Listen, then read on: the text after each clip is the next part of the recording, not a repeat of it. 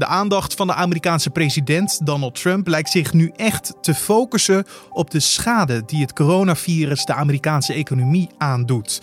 Want een nieuwe speciale corona taskforce moet zich bezig gaan houden met het heropenen van het land. De vraag is: is dit niet te vroeg? Want het aantal besmettingen ligt inmiddels in het land hoger dan 1,2 miljoen. Dit gaan we bespreken in deze editie van de Dit wordt het nieuws podcast. Maar je ziet nu dat, dat ja, andere eh, steden en ook het platteland dat die nu te kampen krijgen met een stijgende lijn. Dus de grote vraag is natuurlijk: is het niet te vroeg? Dat je nu al de zaak openstelt in veel staten. Deze nieuwe ontwikkeling aan de andere kant van de oceaan bespreken we met Amerika-deskundige Willem Post. Maar eerst kijken we kort naar het belangrijkste nieuws van nu. Mijn naam is Carne van der Brink. Het is vandaag woensdag 6 mei en dit is de Dit wordt het nieuws middagpodcast. Het aantal patiënten dat in Nederland is overleden aan de gevolgen van het coronavirus is met 36 sterfgevallen verder gestegen naar 5204. Zo blijkt uit de dagelijkse update van het RIVM.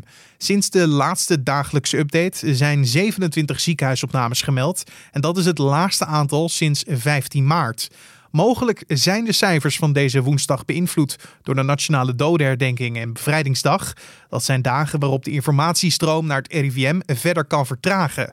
Volgens het RIVM passen de cijfers van de afgelopen dagen wel bij het beeld dat de maatregelen tegen de verspreiding van het coronavirus het gewenste effect hebben. En dan ook nog goed nieuws over het aantal Nederlandse coronapatiënten op de intensive care. Die blijft voorlopig dalen en staat inmiddels op 628.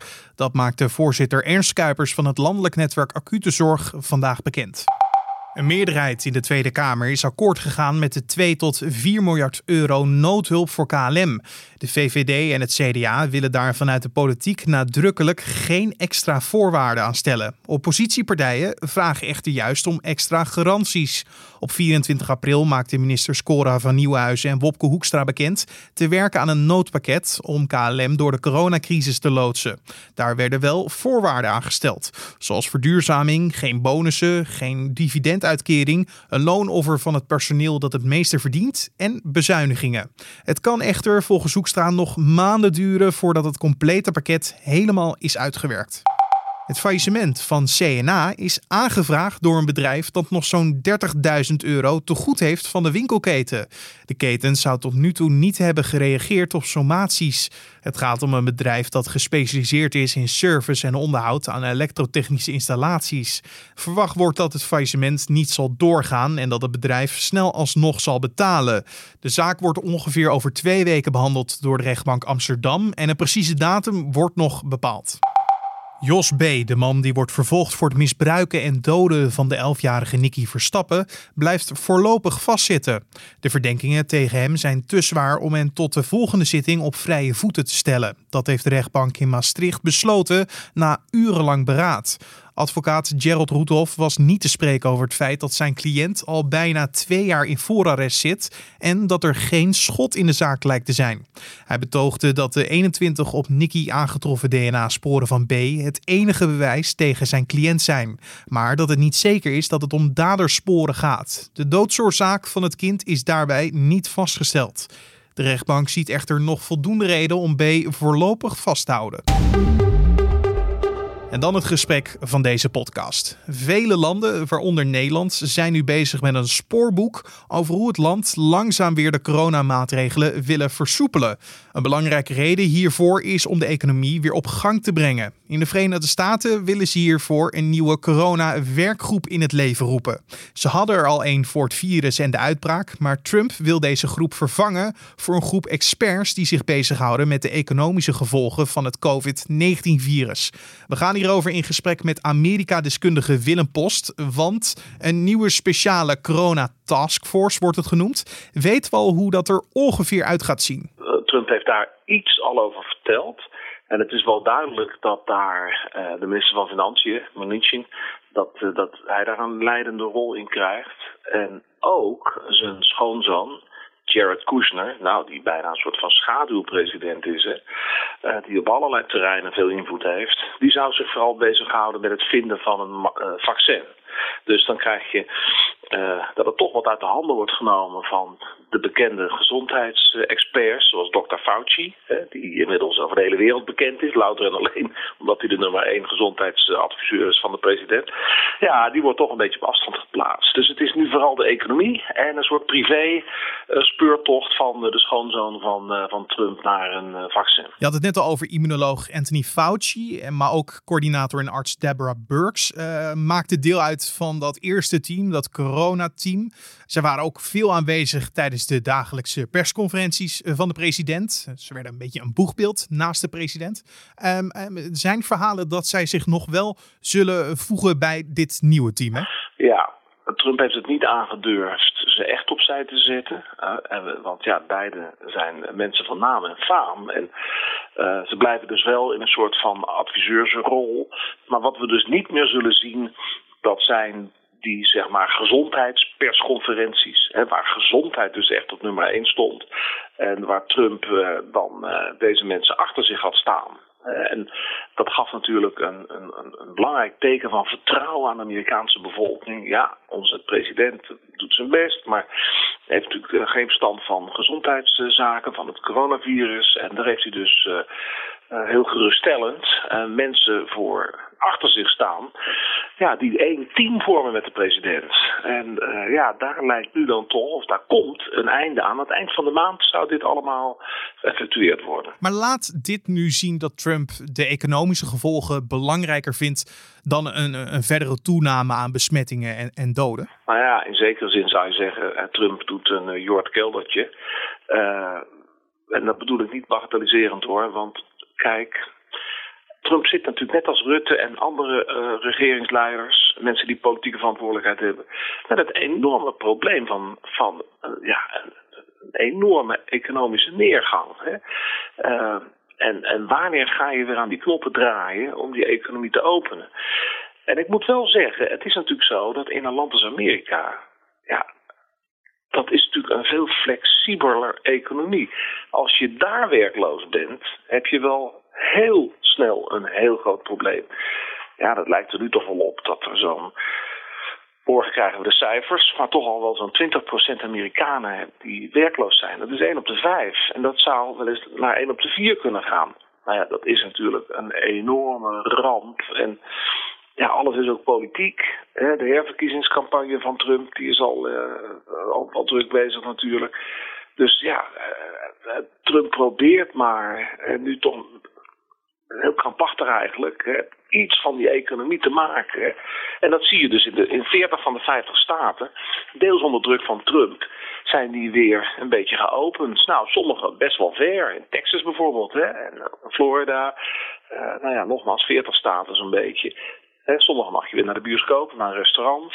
Het grote publiek voelt daar nog niet zoveel voor overigens. En dan even voor de duidelijkheid, eh, een Jort Keldertje, daarmee bedoel je op hetgeen wat hij zei over, over de economische schade door de lockdown en eh, het stilzetten van de economie niet voor meer problemen gaat zorgen dan het virus aan zich. Ja, over een duivels dilemma gesproken. Hè? Uh, dat, dat zie je hier natuurlijk wel terug. Trump heeft gezegd, kijk eens aan, hè, in zo'n zo'n depressieachtige situatie die we nu creëren, of die het virus creëert, dan zie je dat mensen meer aan de drugs gaan het aantal zelfmoorden gaat omhoog.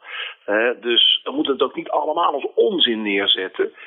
wat, wat Trump doet, zie je natuurlijk ook in andere landen. Alleen het punt is wel dat Amerika toch een beetje achter ons als Nederland zit wat tijd betreft. En kijk, in New York gaat het nu wel een stuk minder slecht.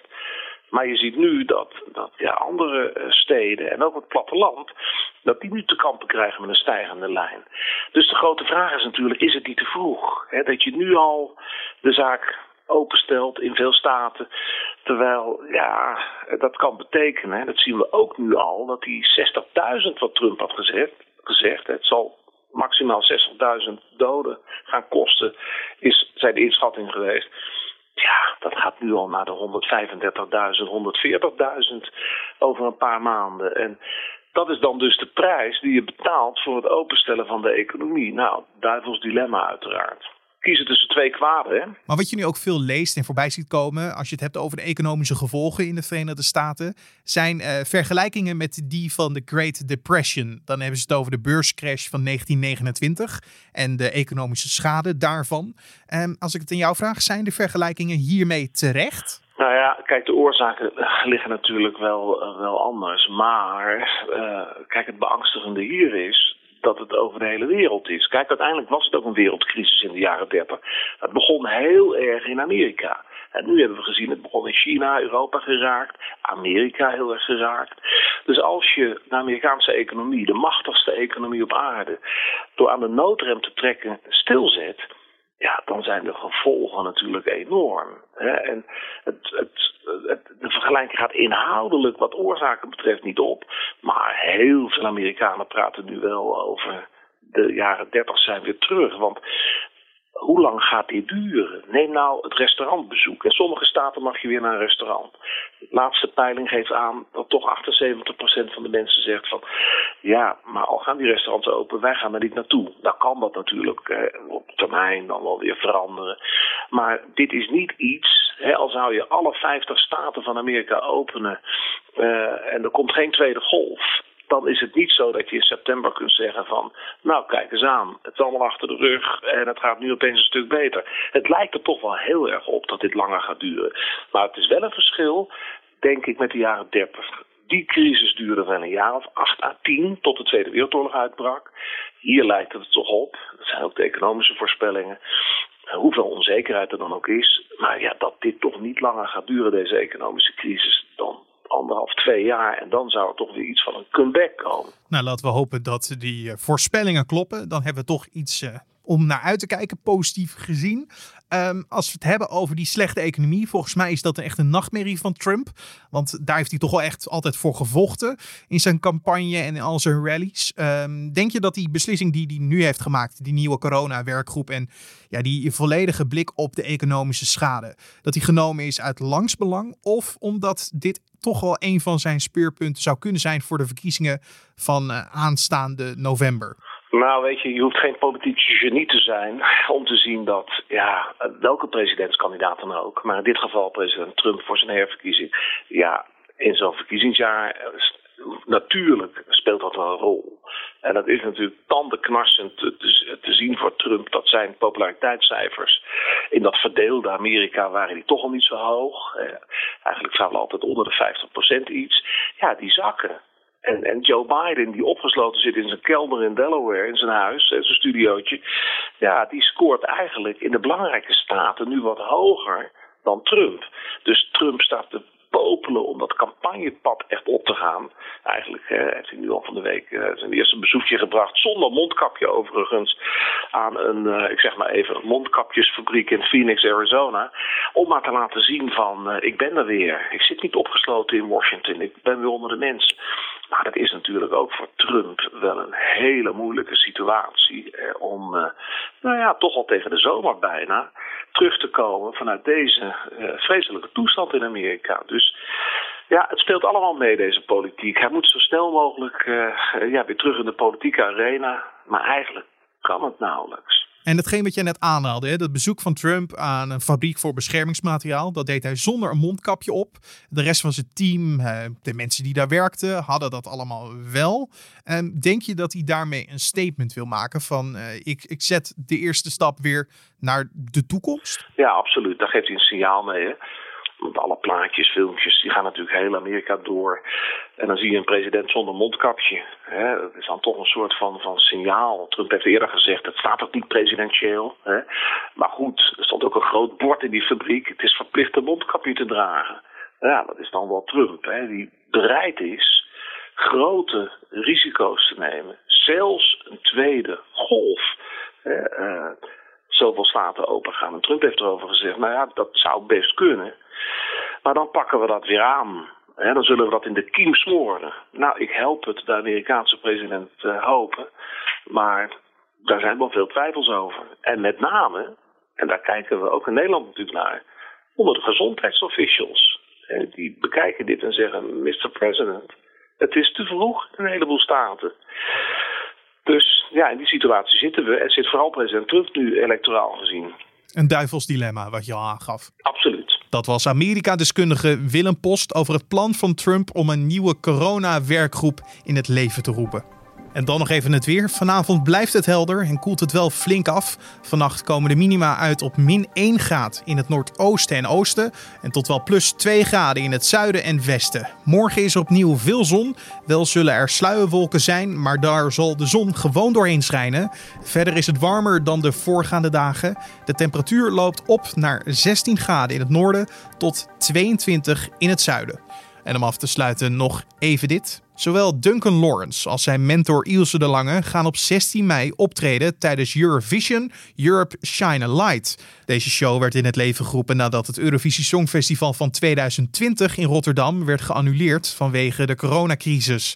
Naast Lawrence en de Lange zullen een reeks van artiesten voorbij komen, zo ook de Israëlische Neta die in 2018 het Songfestival won en de Ierse Johnny Logan zingt zijn winnende lied What's Another Year samen met fans. Eurovision Europe Shine a Light is op zaterdag 16 mei om 9 uur te zien op NPO 1. En de show wordt in een lege studio gepresenteerd door Chantal Jansen, Etcilia Romley en Jan Smit. En dit was dan de Dit Wordt Nieuws podcast voor deze woensdagmiddag 6 mei. Je vindt de podcast in de middag en in de ochtend op de voorpagina van nu.nl en in je favoriete podcast app zoals Spotify of Apple Podcast. Laat daar ook een recensie achter voor ons, daar kan je sterren geven, 1 tot en met 5. En je kan ons ook een feedbackmailtje sturen naar podcast.nu.nl. Mijn naam is Carne van der Brink. Ik wens je een hele mooie dag en tot morgen.